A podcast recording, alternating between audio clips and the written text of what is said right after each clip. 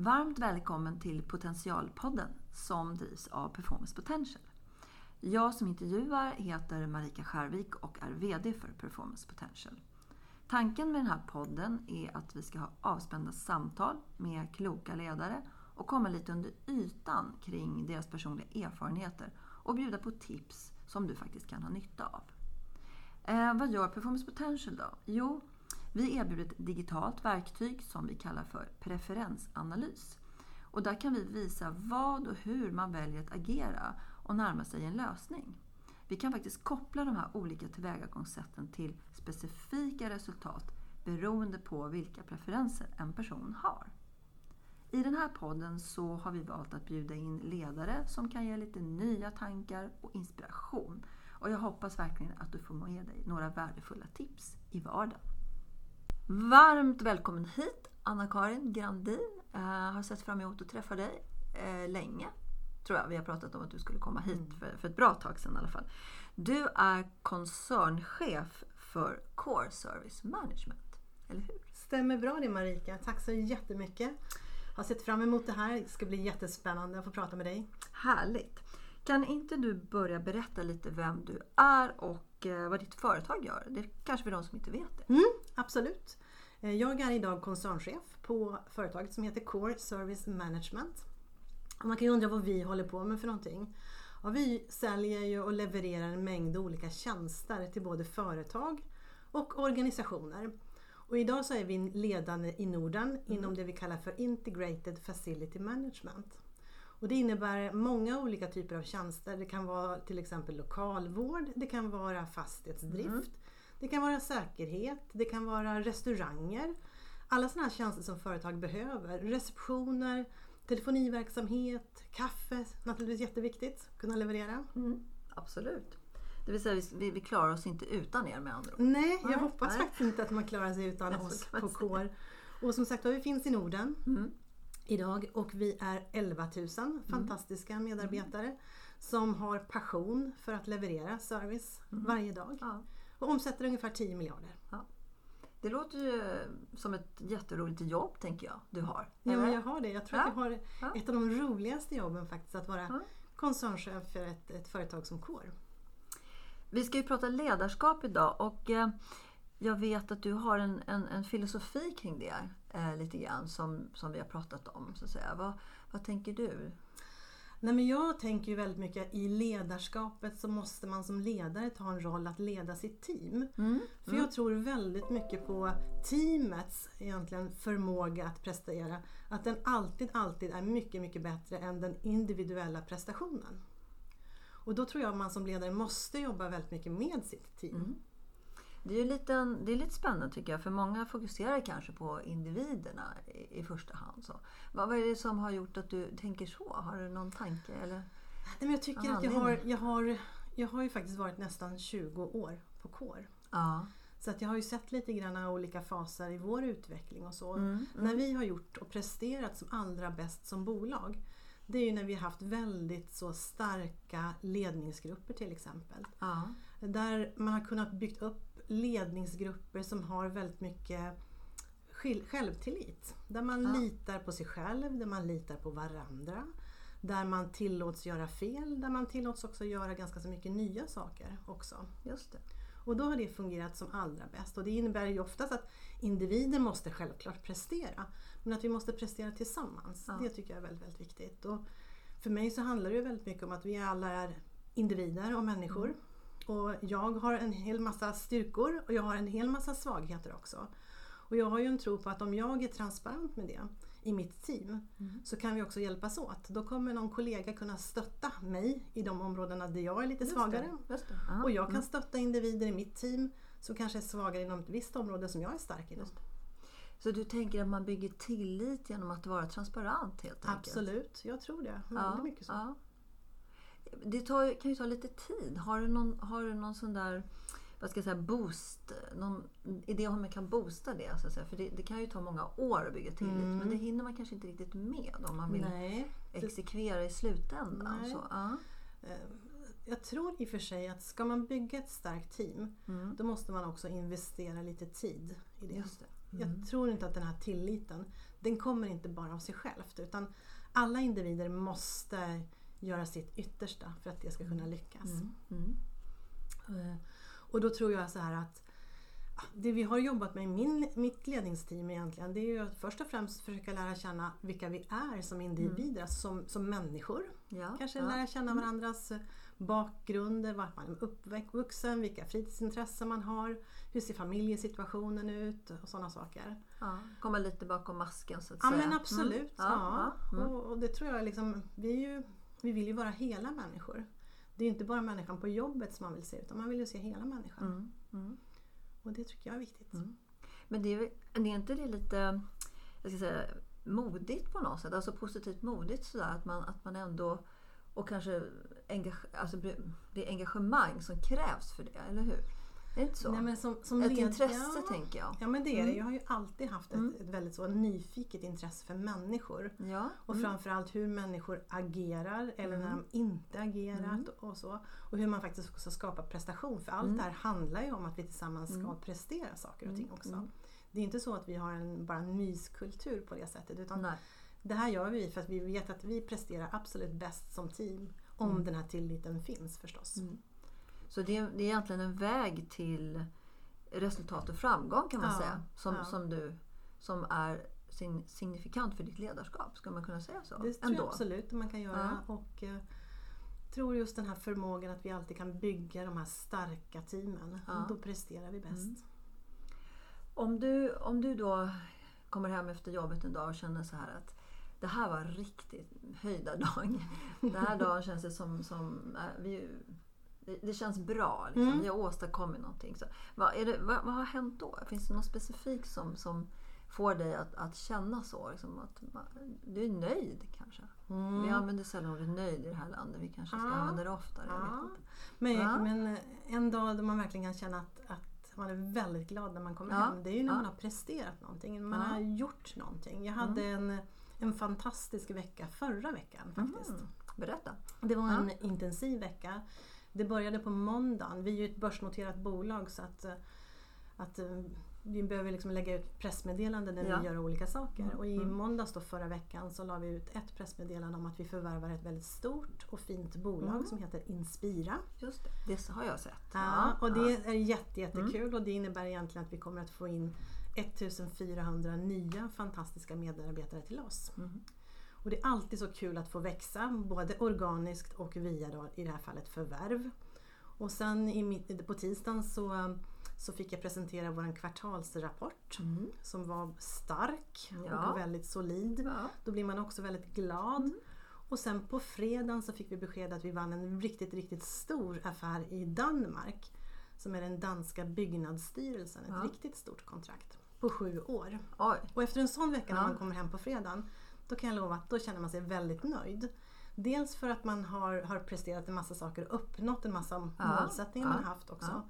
Men man får också en sån belöning för allt det slit som har mm. gjorts. Det är inte så att jag gör alla de här sakerna utan det finns ju ett, ett starkt team bakom där vi tillsammans jobbar mm. för att nå de här tre mm. framgångarna som jag tycker förra veckan. Och då känns det otroligt skönt mm. att veta att nej men, allt det slit som vi har lagt ner på det här, ja. det har faktiskt lönat sig. Och så, då är det teamet igen, eller hur? All, som absolut. vi kommer tillbaka till. Mm. Um, det har ju varit lite särskilda tider uh, och, och egentligen kanske man inte ska tjata så mycket om det i sig för det var ju tråkigt på många sätt och vis. Men jag tänker också att det finns lärdomar och utveckling kanske i att hamna i oförutsedda situationer.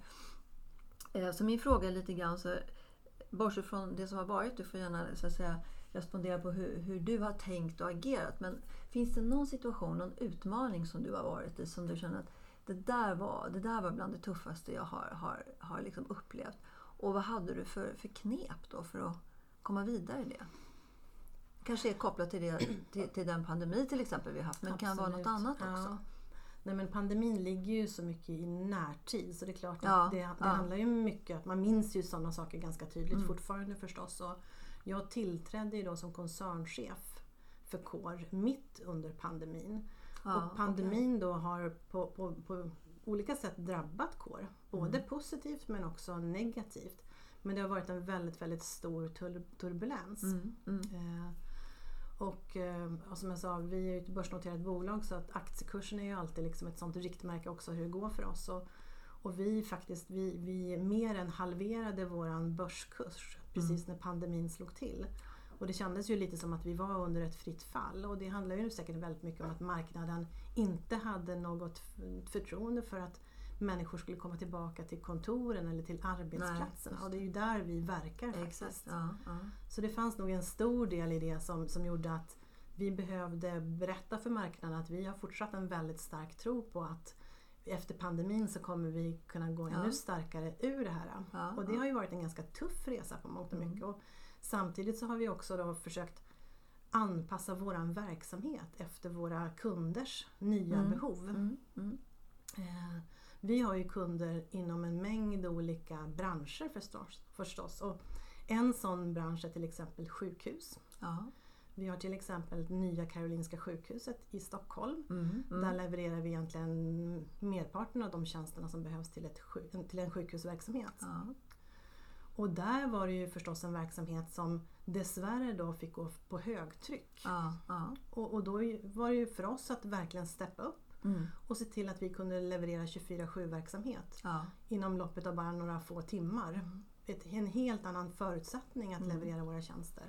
Och framförallt också göra det i en miljö där vi inte visste speciellt mycket om covid, vad det var för någonting. För Nej. vi ville ju också skydda våra medarbetare Absolut. så att inte våra medarbetare råkade ut för någonting ja. också. Ja. Så det var en jättetuff situation att verkligen skala upp och kanske skala ner också på några ställen. Så är det liksom. definitivt. Ja, och så ja. är det Marika, att vi har ju kunder där som då inte har skalat upp utan de har verkligen behövt skalat ner. Ja, en av våra kunder är SAS. Mm. Och jag tror många av oss som har varit ute och kanske har flugit lite grann nu på sistone har ju ändå förstått att ja, men, går man ut på Arlanda så ser man att terminalerna fortfarande är relativt tomma. Och det innebär ju också att vi har fått skala ner mm. på våran verksamhet för att supporta SAS som kund.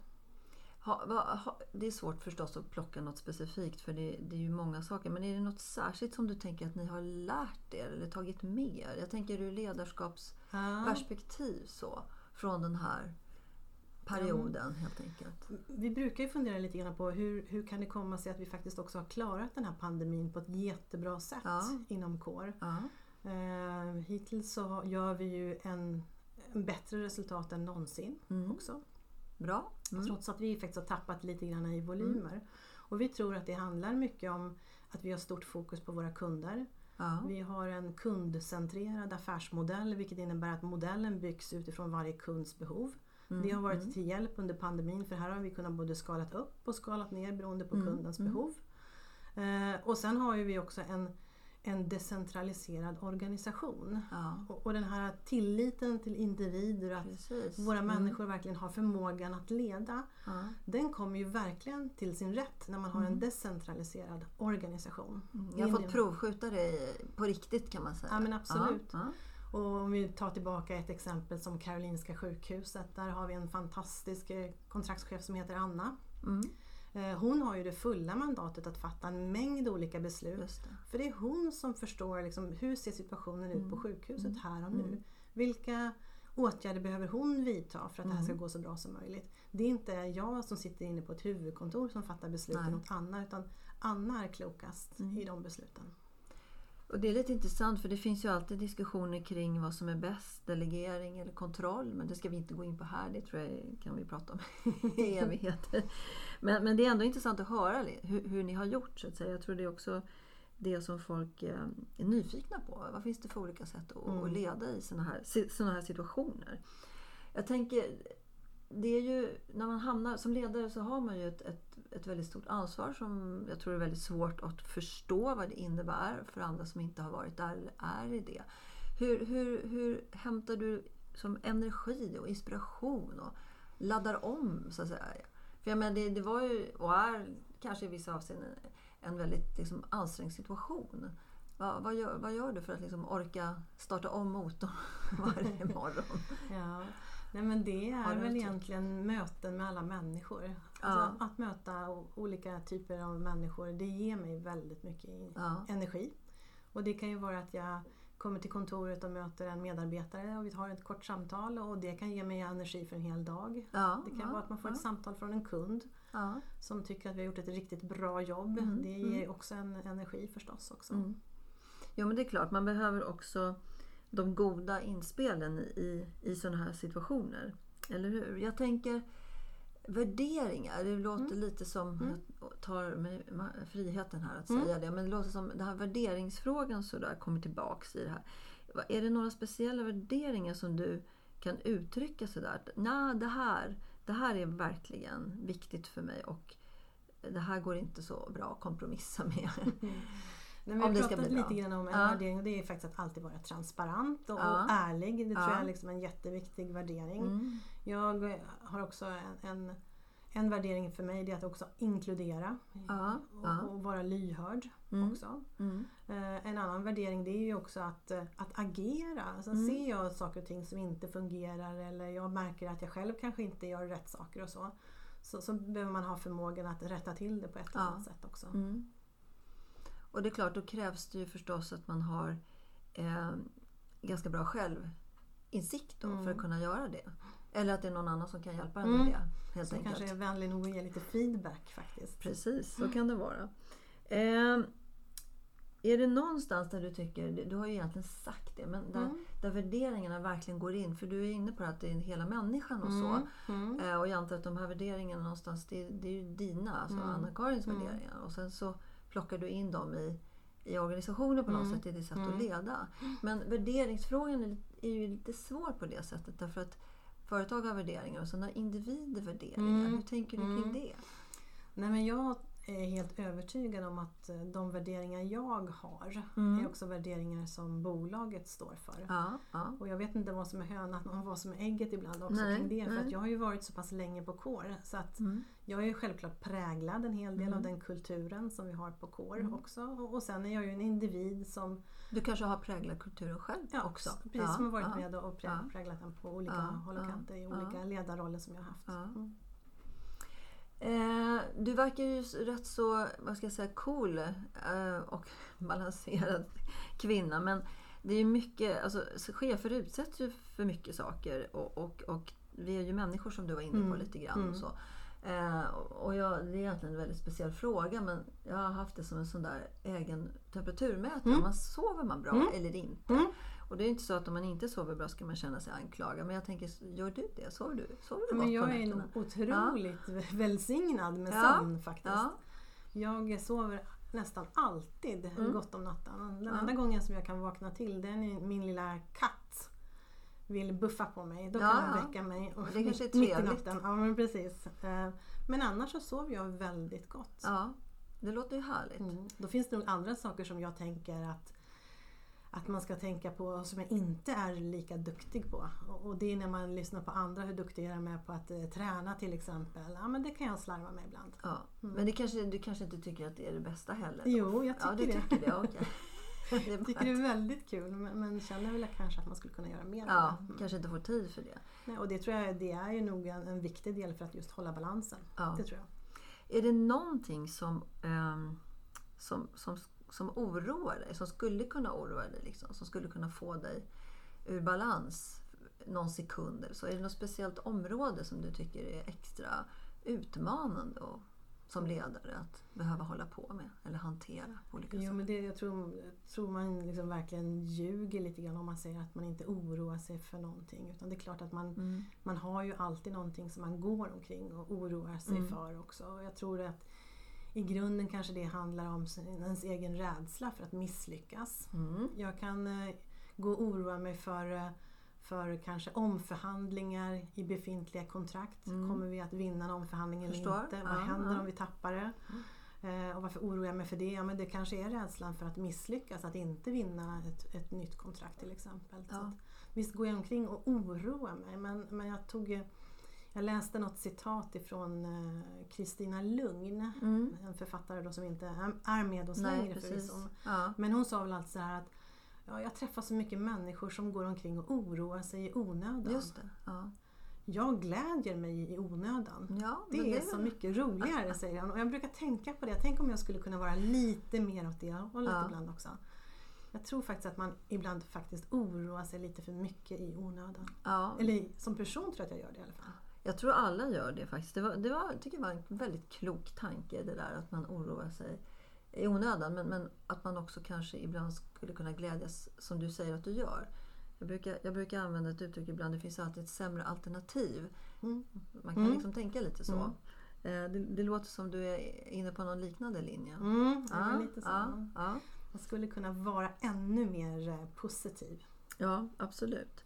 Är det något speciellt sådär som du tänker, det här måste jag ju berätta för omvärlden så att säga. Jag, jag har, jag, jag, det är några kan man säga, anekdoter eller tankar eller så som jag som ledare har, känner att ja, men det här måste jag bara förmedla. För det här har sparat mig tid, hade sparat mig tid om jag hade kommit på det för tio år sedan eller så. Har du någonting sånt som du känner sådär? Att man brukar säga som du fick prata med ditt ditt eh, 20-åriga jag. Mm. Vad är det då du skulle ha sagt till mm. Du kanske inte har något sånt? Men, men... Inte, inte, direkt. Nej. Men det vi pratade om alldeles nyss, det tror jag är en sån sak som, som jag kanske skulle ha gett som råd till mig själv. Så oroa dig inte för mycket. Du ska se att det kommer gå bra. Ja, just det. det är väl en sak som jag tänker sig att man skulle kunna, kunna ha förstås också. Och kanske många gånger eh, att, att man har tillit till sig själv och ja. acceptera sig för, för, vem man är och vad man är. Ja. Eh, som jag sa förut också, det handlar ju väldigt mycket om att alla människor har sina styrkor och sina svagheter. Mm. Det gäller att bejaka de bägge mm. och inse liksom vilken kapacitet man har. Mm. Nyttja det som är starkt och kanske ta hjälp när man är lite svag. Mm. Ja men det är, väl, det är väl kloka råd i sig tänker jag. Eh, nu har ju du varit ett tag på, på, på, eller ett tag på Core så det är kanske en, en, en, en fråga som på sätt och vis är lite onödig mest. Mm. Ändå. Om du hade fått leva om din karriär, är det någonting du skulle ha gjort annorlunda? Nej, just, just karriären på Kår. Jag har ju haft en sån fantastisk fin resa. Jag har fått prova på så många olika saker i så många ja, olika roller. Så jag tycker att det har varit otroligt kul. Ja. Um, så, som jag skulle ångra någonting om man tittar tillbaka. Så Alltså jag är stora syster till exempel. Ja. Jag har väl ett syndrom att vara lite duktig flicka, säkert ibland också. Och då tänker jag så här, tänk vad hade hänt om man inte var så präktig? Man kanske inte skulle ha varit så präktig alla gånger. Man kanske skulle ha vågat göra helt uh, nya saker. Jag minns att när jag gick ut i gymnasiet, det var ju tusen år sedan förstås. Um, men då snackade jag och en kompis om att men, efter gymnasiet då ska vi sticka ut och så ska vi resa runt jorden och vi ska försöka jobba ihop lite pengar genom att sticka till Island och rensa fisk. Ja, det var ja, vår plan. Okay, ja. Men eh, det blev inte så utan vi var ganska präktiga båda två. Mm. Så vi tog ett jobb efter gymnasiet.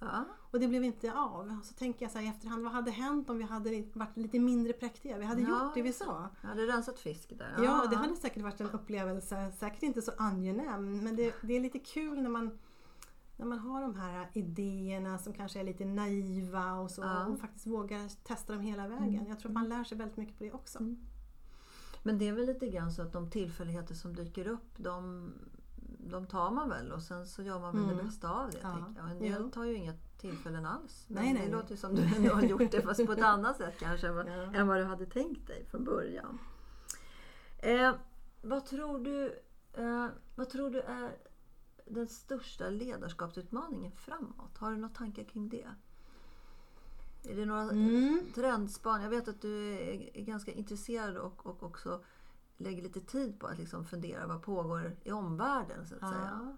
Har du några tankar kring det? Och det ligger ju nära till hands då, eftersom som jag jobbar på KÅR att fundera mm. väldigt mycket kring framtidens eh, arbetsplatser. Hur ska mm, vi jobba? Mm, mm. Jag tror det är också lite grann kopplat till ledarskapet. Jag ser många kunder idag som har lite utmaningar. Mm. Eh, under pandemin har många suttit hemma och jobbat hemifrån förstås.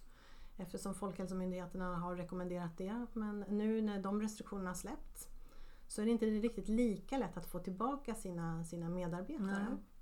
Och det där tänker jag väldigt mycket på. Hur kan man mm. attrahera tillbaka sina medarbetare? Mm. Jag har väldigt liten tro på att man kan diktera in sina medarbetare mm. och få dem motiverade. Det mm. tror jag väldigt lite på. Utan det handlar ju som ledare att hitta en, en balans där som funkar. Ja. Eh, som, som, för får man inte tillbaka sina medarbetare så tror jag man tappar väldigt mycket av motivationen bland mm. medarbetarna. Bland de andra kanske också? Ja, som är. absolut. Ja, ja. Och man tappar ju väldigt mycket av den kulturen som man mm. har byggt upp. Mm. Och jag tror att man sakta men säkert liksom också gör ett sämre jobb. Ja. Eh, så hur, hur attraherar man medarbetarna tillbaka till kontoret? Och då handlar det ju kanske ibland också om att säkerställa att det finns rätt förutsättningar på kontoret. Mm, jag tror mm. Vi säljer ju massa tjänster så det är klart att jag proklamerar ja, ja. för att, att man faktiskt också kanske ger lite extra till sina medarbetare så att eh, kontoret eller arbetsplatsen verkligen blir en attraktiv destination mm, mm. dit man vill åka. Ja, där man faktiskt känner att man blir berikad mm. när man tar sig till arbetsplatsen. Man får verkligen liksom hitta ytor där man kan samarbeta med sina kollegor, där man kan kreera saker, problemlösa saker. Mm. Eh, på ett helt annat sätt än vad man mm. kan göra via Teams och hemifrån. Mm. Men vad tror du, vad tror du det, är en, det är en stor fråga jag vet men jag vill ändå ställa den så att säga.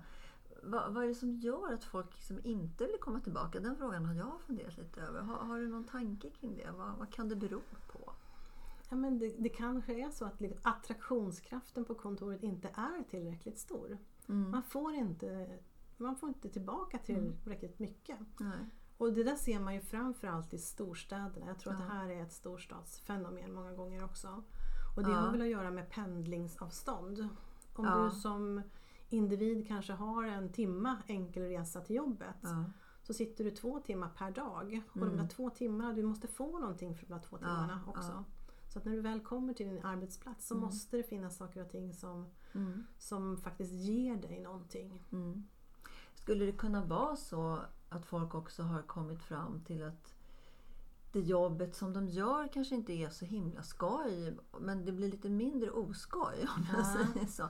Ja. Av att, då, alltså de här, mm. att, att det skulle kunna vara en sån utveckling mm. också. Att vi på mm. något sätt har Eh, det har kommit slentrian mm. i arbetet. Mm. Precis som att det kan mm. komma slentrian i andra saker. Men man kanske inte har sett det Nej. på samma sätt. Nej men det tror jag. jag tror jag För jag menar för att se det måste man ju byta jobb. Ja, ja. Ja, och det gör ju inte folk. Nej, nej. Det är som lite, nu ska vi inte gå in på det, men folk mm. har en tendens att byta relationer mm. efter att ha prövat liksom kanske i många fall. Men, ja. men, i jobbet så kan man ju inte göra det. Jag vet inte, mm. det var en tanke jag har. Att man... Nej, men jag läste en rapport just eh, på det temat där jag tror att eh, man sa att 60 procent ja. av de som arbetar idag går och funderar på att faktiskt byta jobb efter pandemin. Ja. Man har fått lite tid för reflektion och det är ja. alltid väldigt så viktigt och, och, och nyttigt att reflektera absolut, över saker och ting. Mm. Och när man då har lite tid för att göra det då kanske man funderar mm. lite på, är det här det, det jobbet som jag faktiskt vill ha? Sen är det frågan om hur många som tar steget, precis som precis, du är inne på. Vågar man faktiskt mm. testa någonting nytt? Mm. Så det jag, jag, tror faktiskt själv att vi kommer nog se en lite större rörelse på arbetsmarknaden. Ja. Eh, när, när, pandemin har ebbat ut ännu lite mer ja. än vad den har gjort. Ja, jag menar det viktiga är väl att, att verksamheter och individer hittar någonting som de tillsammans kan skapa. Mm. Så indirekt så, så är det klart att det påverkar under en period lite negativt mm. men i slutändan så kommer det i alla fall inte bli bättre mm. om man inte har den matchningen kan man mm. säga mellan mellan de här två, två mm. delarna. Mm. Absolut. Mm. Eh, är det, tiden går fort alltså. Mm. Så är det. Mm. och jag tänker så här att eh, jag, har, jag, har, jag har den där frågan om dina råd men innan jag ställer den så kanske en, en av de sista frågorna. Är det någonting du känner så här, mm, det här har jag inte sagt eller det här har vi inte berört eller så som du vill, vill lämna ifrån dig? Um, Nej, jag tycker du är en, en, en, duktig eh, intervjuare så att du får ju med det mesta. Ja, det var mm. Eh, men vad är dina råd då? Vi ska säga, ta det som en liten slutdel slut, eh, här då.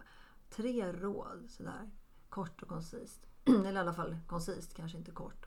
Då, mm. Som du skulle vilja förmedla till, till de som eh, lyssnar på det här sen. Ja, men då, då, jag får ju gå tillbaka till lite grann av det vi pratat om ja. förstås. tänker jag sådär. Och dels handlar det ju lite grann om att lära känna sig själv och ha tillit mm. till sig själv och faktiskt ha förmågan att nyttja sina styrkor. Ja.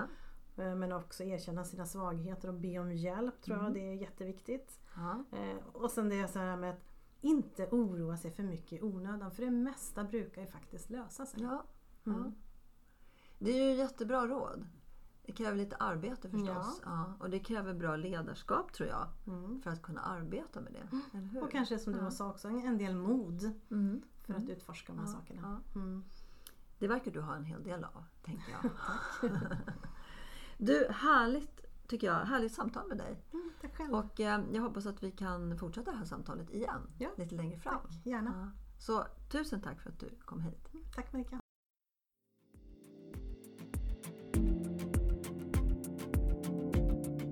I idrottsvärlden känner varje individ till sin process för prestation och leverans ganska väl.